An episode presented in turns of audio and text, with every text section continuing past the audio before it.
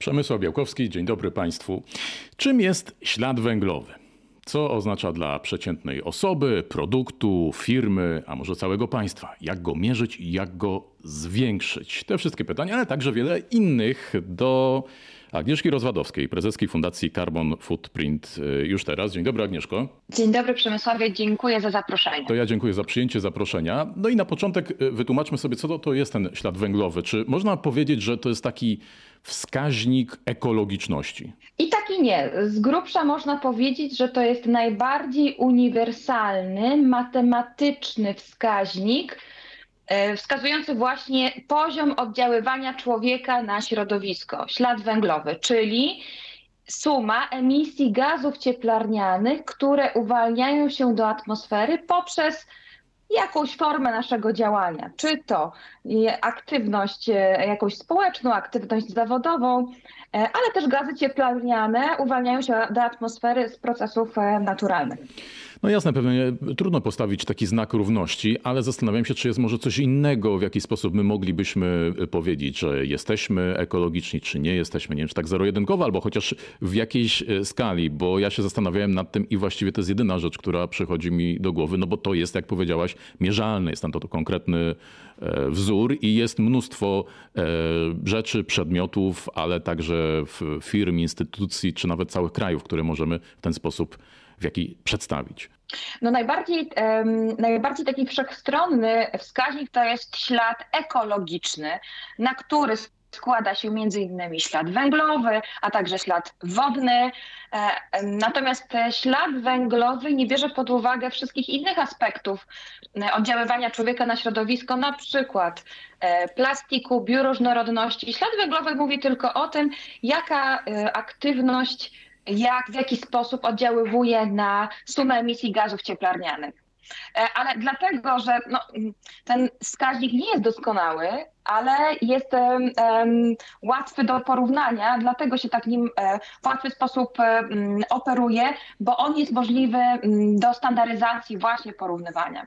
Okej, okay, a do czego możemy ten wskaźnik e, odnieść? Czy są jakieś rzeczy, których nie możemy zmierzyć? Ślad węglowy e, jak najbardziej możemy odnieść do wszystkich aktywności życiowych, które realizujemy. Natomiast e, Powiem tak, yy, potencjał tego wskaźnika jest olbrzymi, natomiast ma on swoje ograniczenia, dlatego że ślad węglowy nie bierze pod uwagę na przykład e, ślad węglowy produktu. To możemy powiedzieć, który produkt jest bardziej ekologiczny pod kątem śladu węglowego, ale nie weźmiemy pod uwagę tego, co się dzieje z tym produktem po tym, jak go zużyjemy. Tego ślad węglowy już w określonych przypadkach nie liczy.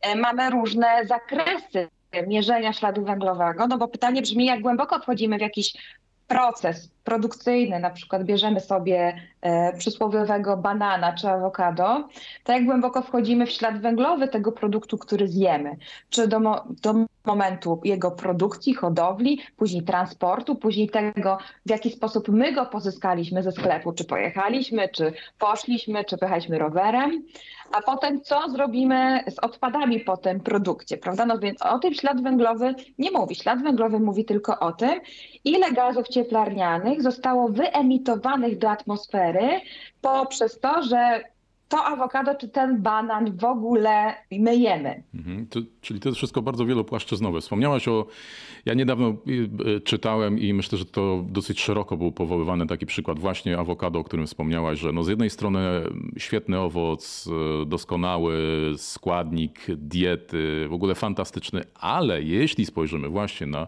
ślad węglowy, biorąc pod uwagę Polskę, czyli no na pewno nie hodowany u nas, tylko sprowadzany, ten transport, e, przechowywanie, e, no i jeszcze to, co jest oczywiście wcześniej, sprawia, że ten ślad węglowy jest naprawdę duży. I, i, i pytanie brzmi właśnie szczegółowo, co jeszcze i, i, jak to jest właściwie wyrażone i nie wiem, może porównywalne do, do jakichś innych owoców, niech będzie. Ślad węglowy awokado dla Polaka jest porównywalne ze śladem węglowy śliwki dla Brazylijczyka.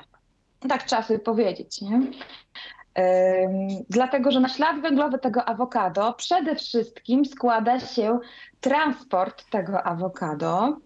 E, czyli z grubsza można by było powiedzieć, że ślad węglowy to jest przede wszystkim transport, energia, ciepło, ale też rodzaj diety. Czyli mówimy tutaj transport, energia, ciepło w kontekście dwutlenku węgla, to jest jeden z, z gazów cieplarnianych, a w, e, w kontekście diety e, gazem cieplarnianym jest na przykład metan, który jest produkowany przy hodowli zwierząt.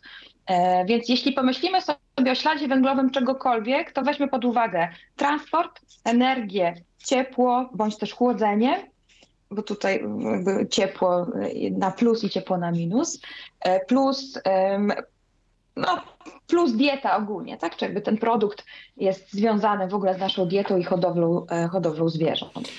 Więc z grubsza można by było powiedzieć, że to, co lokalne, to, co sezonowe, to, co mamy pod nosem tu i teraz, to, co jest takie bliżej natury, naturalne, gdzieś w naszym otoczeniu, to jest najbardziej ekologiczne pod kątem śladu węglowego.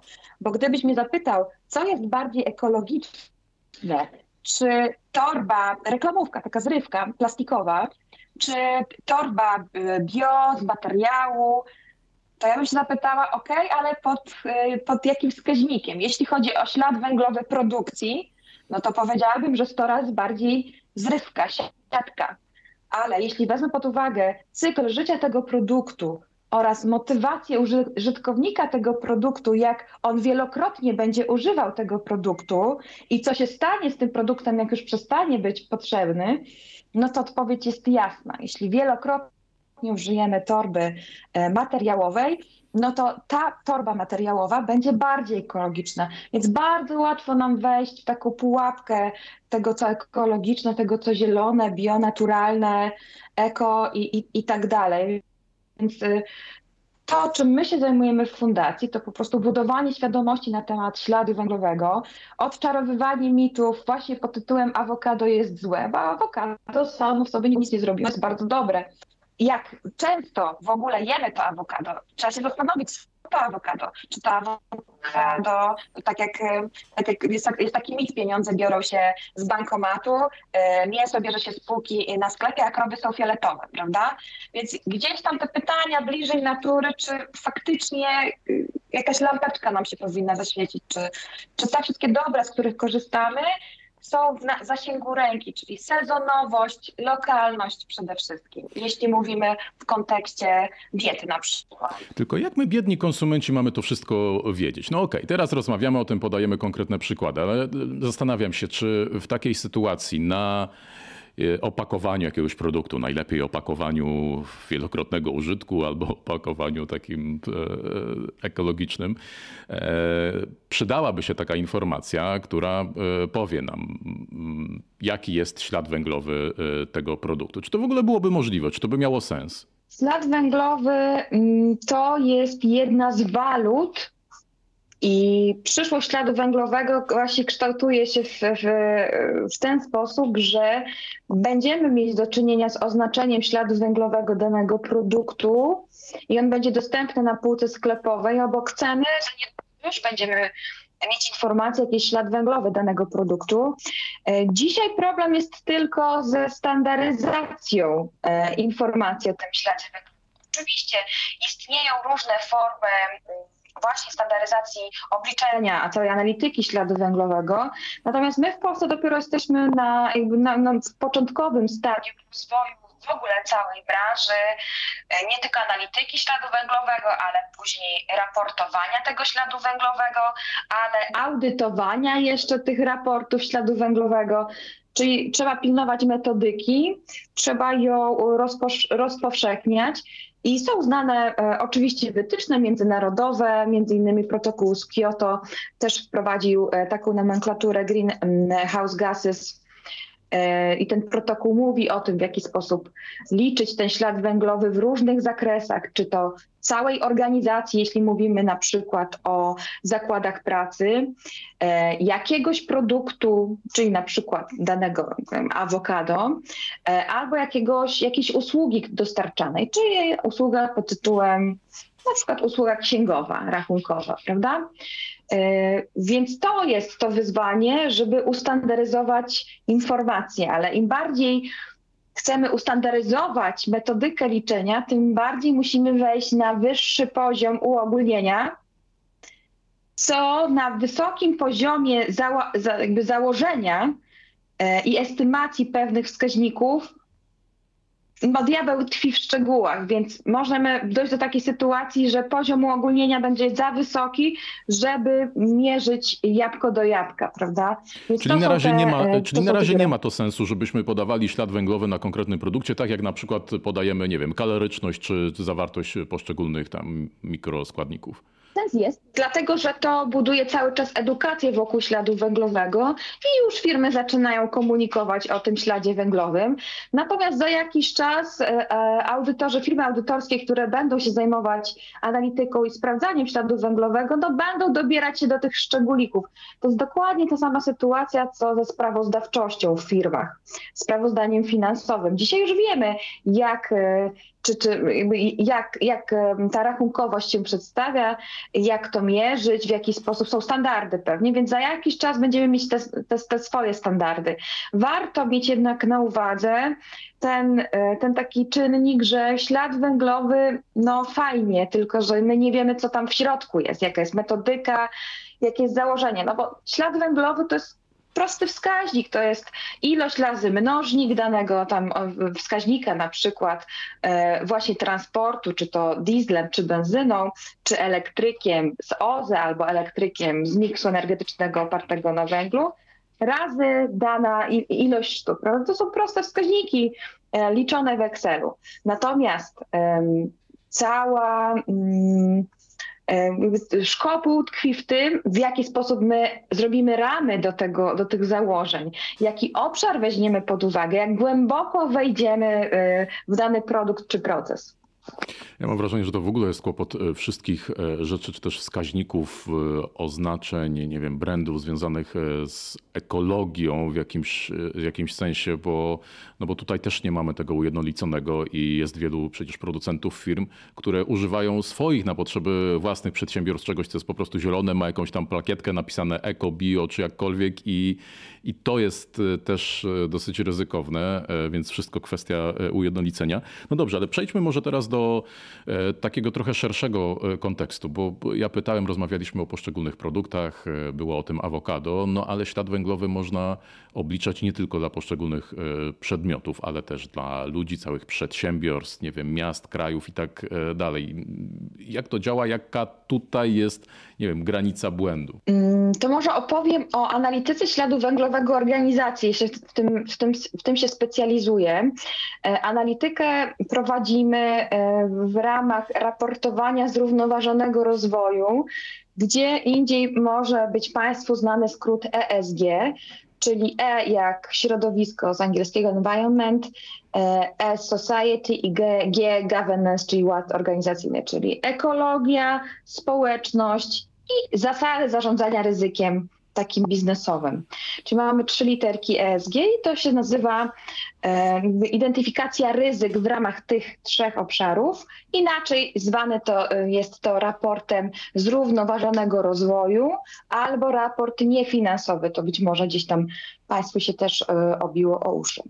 I w ramach tego raportowania ESG duże spółki, giełdowe przede wszystkim, tam są trzy wskaźniki, trzeba mieć określoną ilość pracowników dwa, dwa lata z rzędu określoną ilość, e, jakby poziom przychodów e, i aktywów i wtedy się wchodzi w, w takie obligo raportowanie. To robią duże firmy, które przede wszystkim raportują do swoich większych firm matek za granicą. Na zachodzie to raportowanie już, już funkcjonuje. Mm, I takie, no ale przechodząc do tego śladu węglowego, bo, tak, bo skupmy się na tak. tym, bo ESG to jest jakby w tak, ogóle tak, bardzo tak. szeroka sprawa. Jasne. To ślad węglowy właśnie jest jednym ze wskaźników raportowania ESG w obszarze E środowisko. I mamy trzy zakresy raportowania śladu węglowego. Zakres pierwszy, drugi oraz trzeci, z czego dwa pierwsze zakresy są najłatwiejsze do zaraportowania, dlatego że dotyczą samej organizacji. Tam są obszary, e, tam energia, pracownicy, dojazdy i tak dalej, ale to są rzeczy, które my tu i teraz gdzieś tam możemy zebrać i przeanalizować.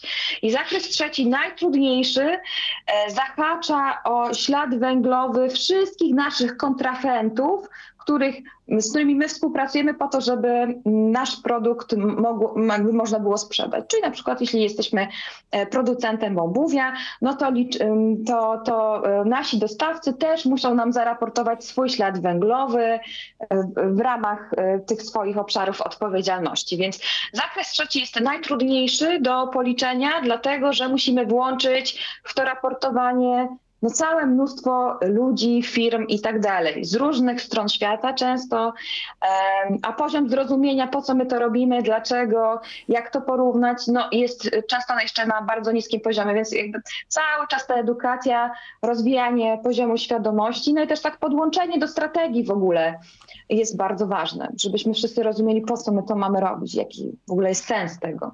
A jaki to jest margines błędu? No bo wyobrażam sobie, że potencjalne e, ryzyko niepoliczenia czegoś, czy policzenia e, czegoś źle, no nie wiem, zapomnienia o jakimś obszarze jest tutaj po prostu ogromne i może mieć to wpływ na ten całościowy wynik. Tak, w całej samej analityce śladu węglowego ten wynik dzisiaj wydaje mi się, że jest najmniej ważny.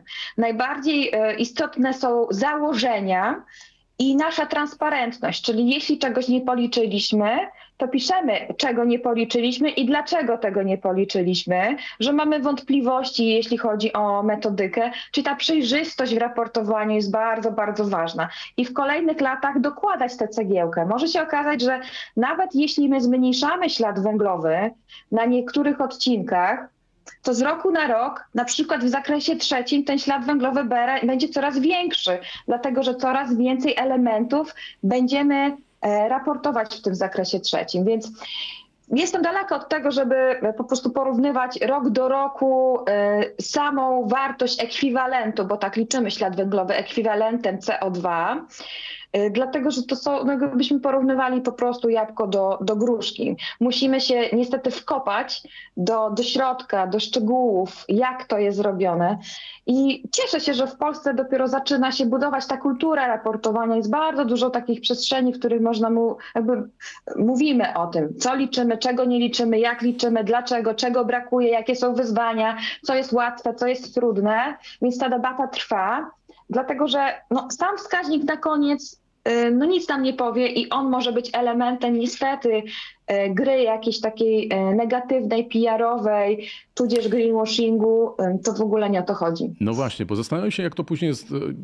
Rozumiem, rozumiem ten tok myślenia, natomiast zastanawiam się, czy to, może trochę też powiem stereotypem, ale czy później na papierze to jednak nie wygląda w ten sposób, że skoro jest ten ekwiwalent i w zeszłym roku to było tyle, a teraz jest więcej, no to o, hola, hola, oni tam coś źle robią. Przecież wszyscy to mają być teraz bardziej Eko. Tak, e, na szczęście za jakiś czas firmy audytorskie, które dzisiaj zajmują się audytowaniem wyników finansowych, będą e, audytować również wskaźniki, to w ramach ESG, ale mówimy tutaj o, o śladzie węglowym.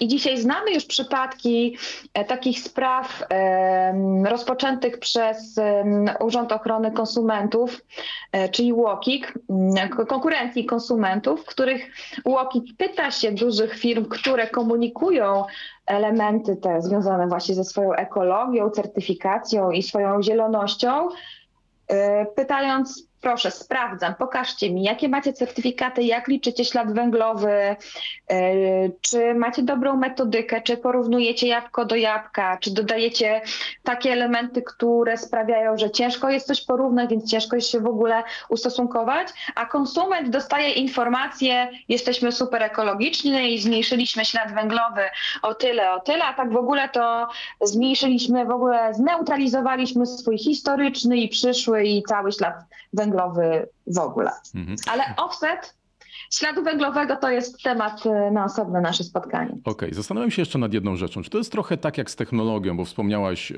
o UOKiK-u, są firmy, e, jest giełda, a, a, czy to nie jest trochę tak, że jakby wszyscy się właściwie tego uczą dopiero, że, że to nie jest... Tak. No właśnie. Dokładnie. Jesteśmy, jesteśmy na początku drogi wypracowywania sobie tej całej kultury raportowania o tym trzeba mówić głośno. My jeszcze, no są standardy, trzeba je wprowadzić, firmy trzeba nauczyć raportować. My w ogóle mówimy o nowych kompetencjach, o nowych zawodach, o nowych zespołach, o nowych komórkach w firmach, które będą się tym, e, tym zajmować. To jest jak z internetem e, te 30 lat temu. Tak a to, a to będzie schodziło powiedzieć. niżej, bo mówiłaś, jest oczywiście kryterium, jest obowiązkowe raportowanie niefinansowe dużych spółek od konkretnej liczby pracowników.